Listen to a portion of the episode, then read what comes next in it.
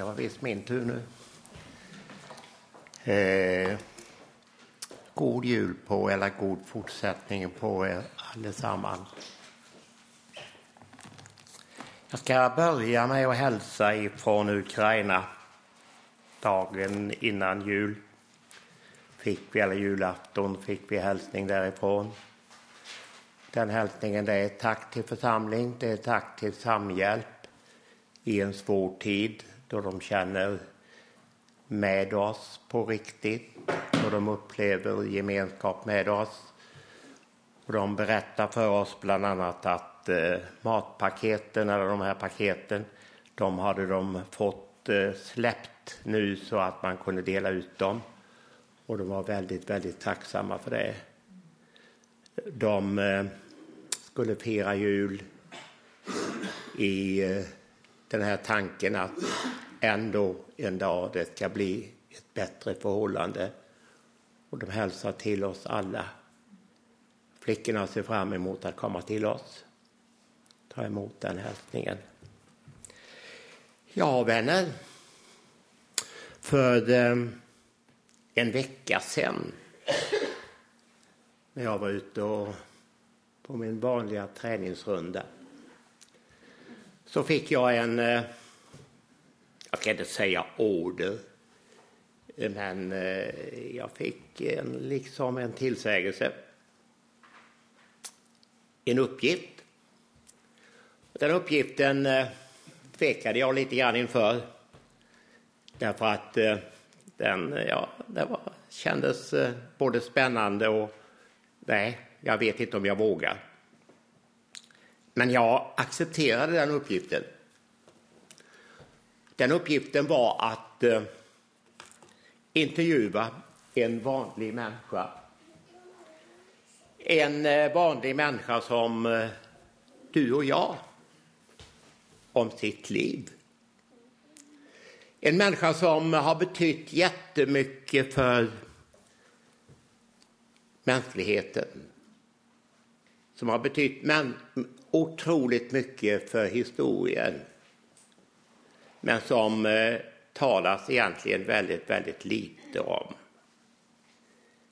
Jag fick en uppgift att tala med Josef om eh, hans liv på jorden.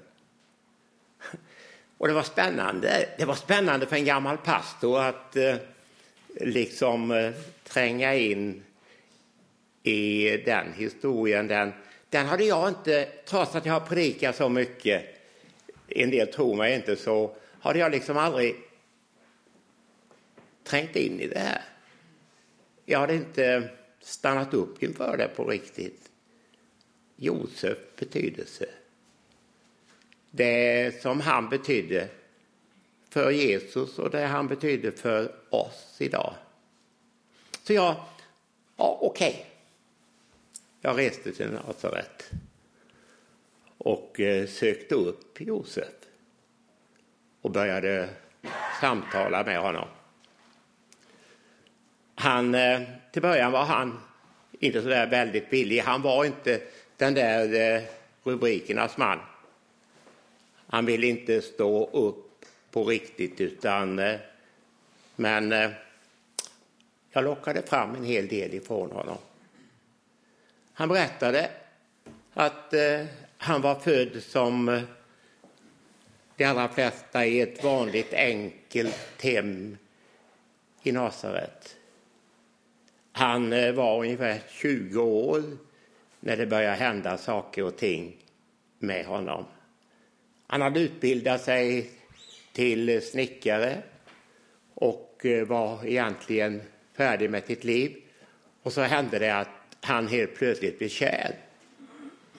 Han hittade sin livs kärlek i en ung flicka och eh, han blev blixtförälskad. Det skulle bli dem. De skulle följas åt genom livet. Det där var utgångspunkten för vad Josef upplevde. Nu låg livet framför. Han och Maria skulle bilda ett hem. De skulle leva tillsammans. Det skulle vara deras liv gemensamt. Men så hände någonting. Och det var jättejobbigt för Josef, säger han. En dag kommer Maria till honom och berättar en historia som jag egentligen inte vågade tro på. Det var jättejobbigt för mig att acceptera. Hon säger att hon var med barn. Men Maria, vad är det för någonting du säger till mig? Var min kommentar. Du med barn? Vem har gjort dig med barn? Och då säger Maria, nej det är ingen här som har gjort mig med barn. Det är övernaturligt. Jag har blivit med barn därför att eh, Gud så ville. Och jag ska föda en son och den sonen ska frälsa världen. Nej, Maria, det där är inte sant. Det är allt för fantastiskt för att jag ska kunna tro på det. Och vad tror du egentligen att människor ska tänka om mig och om dig? Tror du att de ska köpa din historia egentligen? Tror du att det är möjligt? Och där var jag, säger Josef. Där fanns jag. Så en natt, jag bad över det här. Och jag var gode Gud, vad är det Maria säger till mig? Visa mig detta. Är det sant det hon säger? Är det verkligt? Och då eh, på natten när jag låg och sov, innan jag somnade så hade jag bett Gud visa mig vägen. Och då helt plötsligt på natten när jag ligger där så får jag en dröm. Och jag drömmer att en ängel kommer till mig som står framför mig och så säger han Josef, var inte rädd. Frukta inte. Ta till dig Maria. Ta henne som din hustru. Det är sant det Maria säger. Det ska bli så. Det är verklighet. Och vad skulle jag göra när Gud på ett så märkligt och påtagligt sätt hade visat mig? Skulle jag säga nej Gud, det här tror jag inte på. Utan på morgonen när jag vaknade så sökte jag upp Maria. Vi bodde inte ihop. Jag sökte upp Maria. Och så säger jag till Maria, Maria, jag tror dig. Du förstår, jag har ett besök i natt. Jag har ett änglabesök i natt. Och ängeln sa till mig, du har rätt. Det du har berättat för mig, det är precis sådant som det ska bli. Jag älskar dig, Maria. Jag vill följa dig genom livet. Nu gifter vi oss. Ja, så var det, säger Josef. Vi blev ett par. Inte så där väldigt lång tid därefter så kom det en förordning. Den förordningen var att eh, hela världen skulle skattskrivas. Och jag hade ju mina rötter i Betlehem. Och detta gjorde att eh, jag fick ta Maria med mig och vi fick eh, på en åsna ta oss upp de där nio milen ifrån Betlehem, eller ifrån Nasaret till Betlehem. Så var vi där. Maria var tjock. Hon väntade och vi väntade. Det var spännande. Och när vi kom dit på kvällen, det fanns ingenstans. Ingenstans.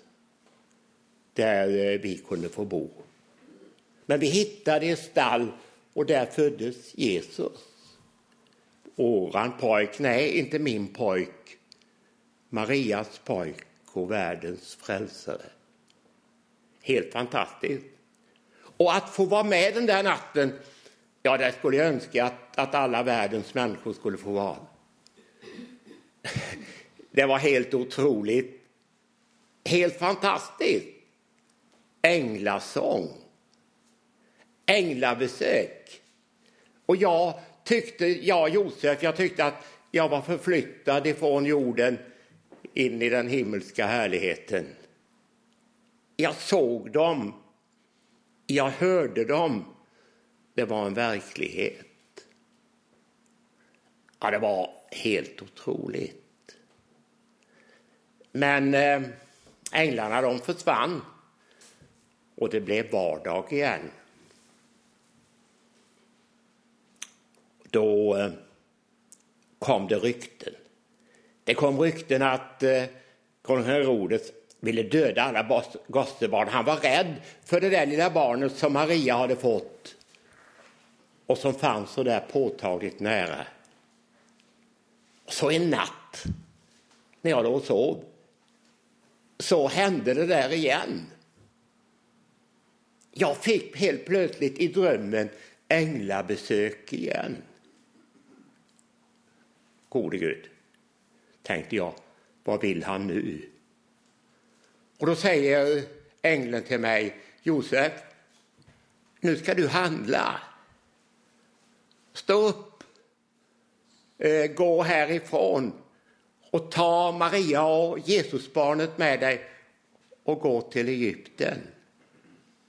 Därför att om du inte gör det så kommer Jesusbarnet att bli dödad. Och jag gjorde så, säger Josef.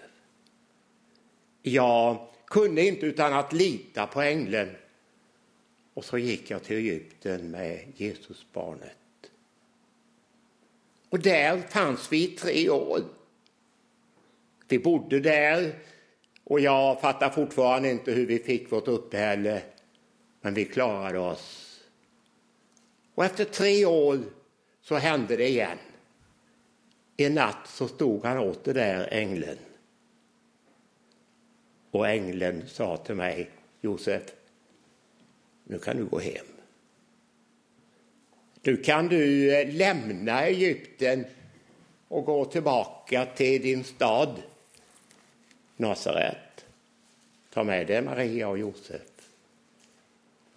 För eh, den som ville döda Jesus, han finns inte mer. Så lämnade vi Egypten, det tog lång tid. Men så kom vi till Nasaret. Och där var vi trygga under många, många år. Detta är berättelsen, säger Josef. Jag har inte mycket mer att berätta. Sen levde jag tillsammans med Jesus och min hustru Maria och vi fick flera barn. Och vi var en lycklig familj. Detta är min berättelse. Jag fick leva ett rikt liv nära Jesus. Det där berättade Josef för mig. Jag fick ta del av en vanlig människas berättelse. Och då frågade jag, när jag hade fått det. Men Allan, om jag ska framföra detta i, för församlingen i Huskvarna för det mina där. Det visste ju de ju redan om. Vad ska jag säga mer? Vad är det mer? Vad ska vi lära av Josef? En vanlig människa som eh, det har varit väldigt tyst om. Och så fick jag de här tankarna som jag vill dela med er här idag. Josef hade en förutsättning för att få bli den han blev. Han hade en gudsrelation. Han hade en gudsrelation. Han hade fått eh, uppleva att Gud var en verklighet. Och det är någonting av förutsättningen för vårt liv. det är att vi har, att vi äger en levande gudsrelation. Att du och jag verkligen har fått möta en levande frälsare i vårt eget liv för att vi ska kunna fungera. Att vi vet att vi lever. Att vi är medvetna om att Gud bryr sig om oss. Att vi är medvetna om att vi får vara ett barn i Guds hand. För mig så står den där dagen så där klart för mig. När jag som 16-åring gick fram i Amgenarps lilla tältkyrka, höll jag på att säga, tält och böjde knä tillsammans med mina två kompisar. Och man bad för mig. Och det står så verkligt för mig den där morgonen en vecka efter. Då jag vaknade hemma i Hylte. Upplevde fågelsången utanför, trodde jag. Men upplevde att det sjöng så där starkt. Och jag upplevde i mitt hjärta frid, verklig ungdomsglädje, det att vara frälst. Det att vara frälst. Då började någonting i mitt liv. Jag fick en relation. Gud var verklig. Jag hade en kontakt med eh, Gud på ett alldeles särskilt sätt. Han fanns där så där påtagligt nära i mitt liv. Egentligen är det kanske fel när jag blickar ut över er, kära vänner. Känner er allihop. Inte bara till namn, utan jag känner er, tror jag, rätt väl. Det känns inte riktigt rätt att ställa frågan. Men jag gör det ändå. Vad är din gudsrelation? När du blickar tillbaka på ditt liv, vad upplever du att du finns i relation till Gud? Vad har han gjort i ditt liv? Var finns han idag? Josef hade en klar relation till Gud. Det var förutsättningen för Josefs liv. Och förutsättningen för ditt och mitt liv är att vi ska äga en absolut relation till Gud. Tack gode Gud. Och när jag står här så fylls mitt hjärta av tack. Tack för att jag fick den här relationen i ungdomen. Tack för att jag fick börja med dig. Tack för att jag har fått se att du är en verklighet.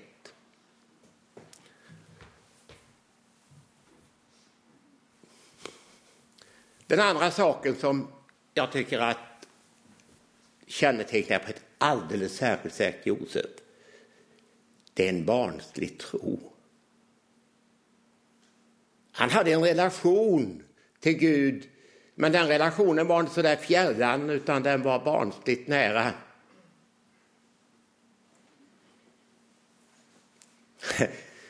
Tänk att han verkligen vågade tro på att det var verklighet det där han upplevde på natten. Han vågade tro att det fanns en änglavärld. han tvekade inte på det övernaturliga. Han hade en barnslig tro. Han säger inte nej, det där jag upplevde det var, det, det kan vi lämna det här. Jag var väl inte riktigt där jag skulle. Det var inte så. Utan eh, Josef hade en barnslig tro. Och är det någonting som jag tacka Gud för mitt liv, det är att jag är barnslig. Att jag har fått äga den där barnsliga tilliten. Det har inte behövt tvivla på att han fanns där. Där jag inte har behövt ifrågasätta de änglabesök som vi har fått se och vara med om. Utan att eh, man har fått inte bara acceptera det utan att få lägga detta så där riktigt jättenära. Det är en verklighet. För Josefs del så var det en verklighet det där vad Gud hade sagt till honom han skulle göra. Men det var också en verklighet den där underbara julnatten då änglarna förkunnade att frälsaren var född. Det var en verklighet för honom. Hans barnsliga tro tog in det så där påtagligt nära. Hans barnsliga tro anammade det, ifrågasatte det inte, lät inte teologi eller någonting annat ifrågasätta det, utan han tog det till sitt hjärta. Om igen så ställer jag den där närgångna frågan till dig. Vad är din tro idag? Jag förutsätter gudsgemenskap. Jag gör det. Så frågar jag, var finns tron? Den där barnsliga tron som gör att vi tror på att det kan ske igen. Den där barnsliga tron som gör att vi tror på att vi än en gång kan få uppleva en segertid.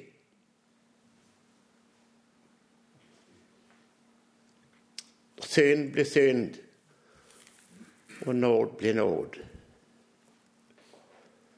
Den där barnsliga tron som gör att vi kan tro på att sjuka kan bli helbrägda. Och att hem kan förvandlas.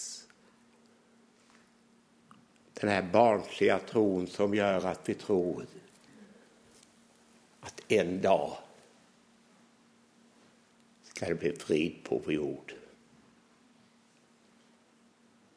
Den där barnsliga tron som gör att vi tror på att en dag ska vi få se Jesus.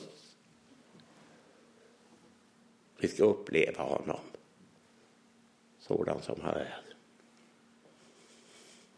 Den barnsliga tron, var finns den? Ja, jag har en punkt kvar. Och det är lydnad. Josef hade gudsgemenskap. Han hade en barnslig tro. Men vad hade det betytt egentligen för honom om han inte hade haft en vilja att lyda? Att ställa sig helt och fullt till Guds förfogande. Han lydde Gud helt och fullt. Och det där är knepigt egentligen. Var finns vi? Vad är det att lära utav detta? Allan, här predikar du barnslig tro. Här predikar du Guds gemenskap. Men vad är lydnad då till detta? Om jag äger den barnsliga tron, om jag äger gudsgemenskap och har det. Men hur lyder jag då?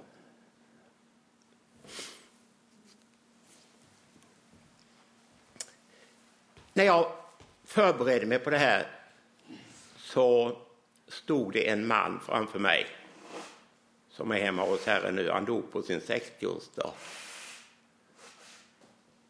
Han var chaufför hos oss. Han var diakon i Svenska kyrkan i Linköping.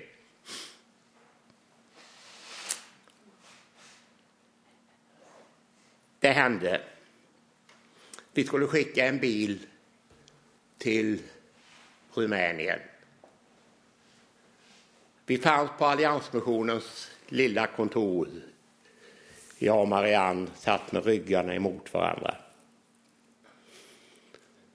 Så ringer min telefon.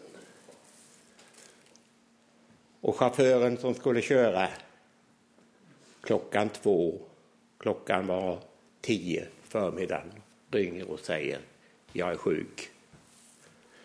Jag har fått maginfluensa, kan inte köra.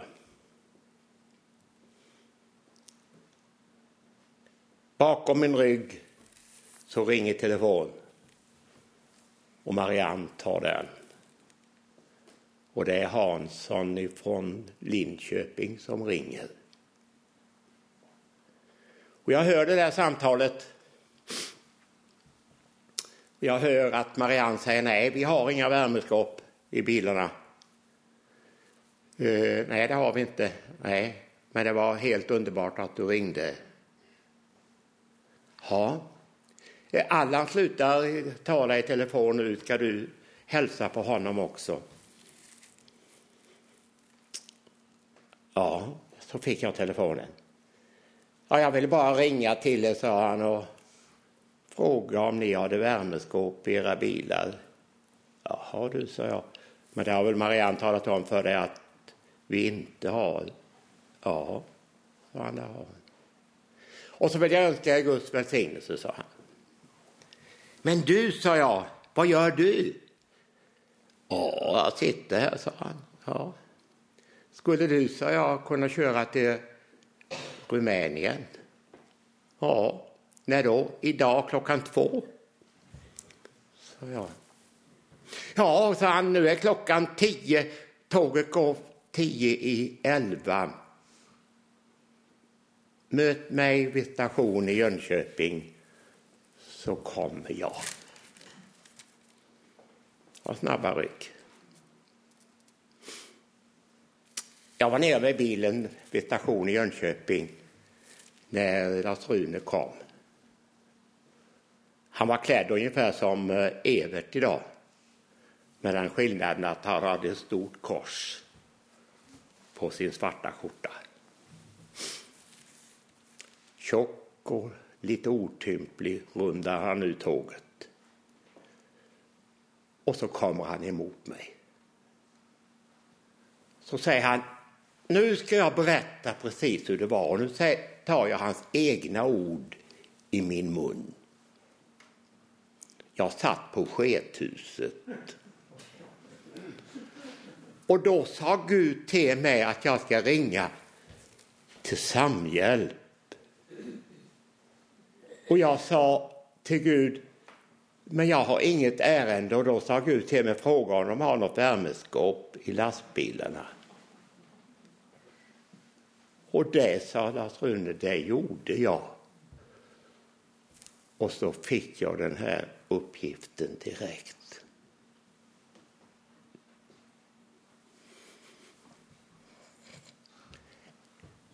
Jag kan inte komma mycket närmare barnslig tro, gudsöverlåtelse och lydnad.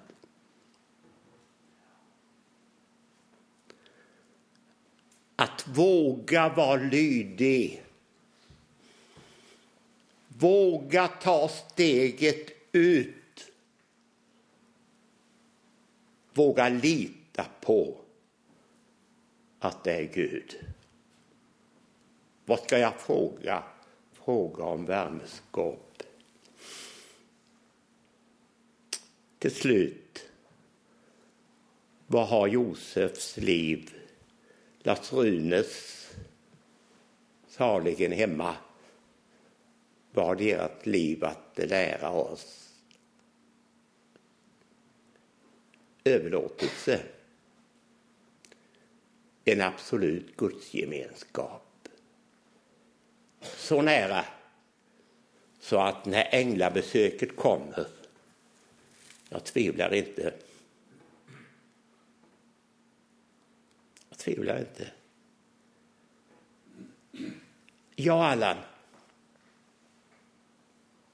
vill inte tvivla på att jag fick de där 35 minuterna med den ängel som jag tror står bakom mig nu. Får jag gå med dig?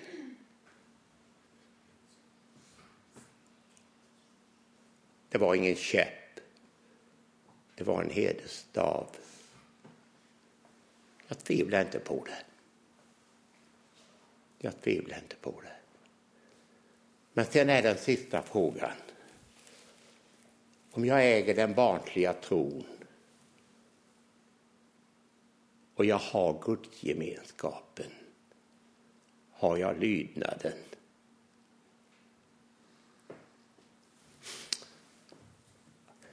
Jag vill följa dig, och Jesus följa dig var vägen går. Genom solbelysta höjder eller genom dunkla snår. Jag vill det. Har du följt mig här i livet under några korta år skall jag och i evigheten följa Lammet vart det går. Jag vill följa dig jag vill lyda dig. Amen.